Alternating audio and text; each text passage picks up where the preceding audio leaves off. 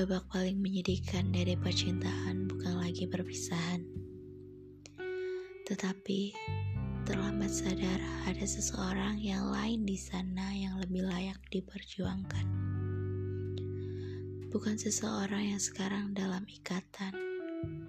Seseorang yang lain yang diam-diam setia mempertahankan cintanya meskipun separuh hati kamu sayangi. Seseorang yang diam-diam mendoakan dan menunggumu, meskipun kamu telah dijodohkan.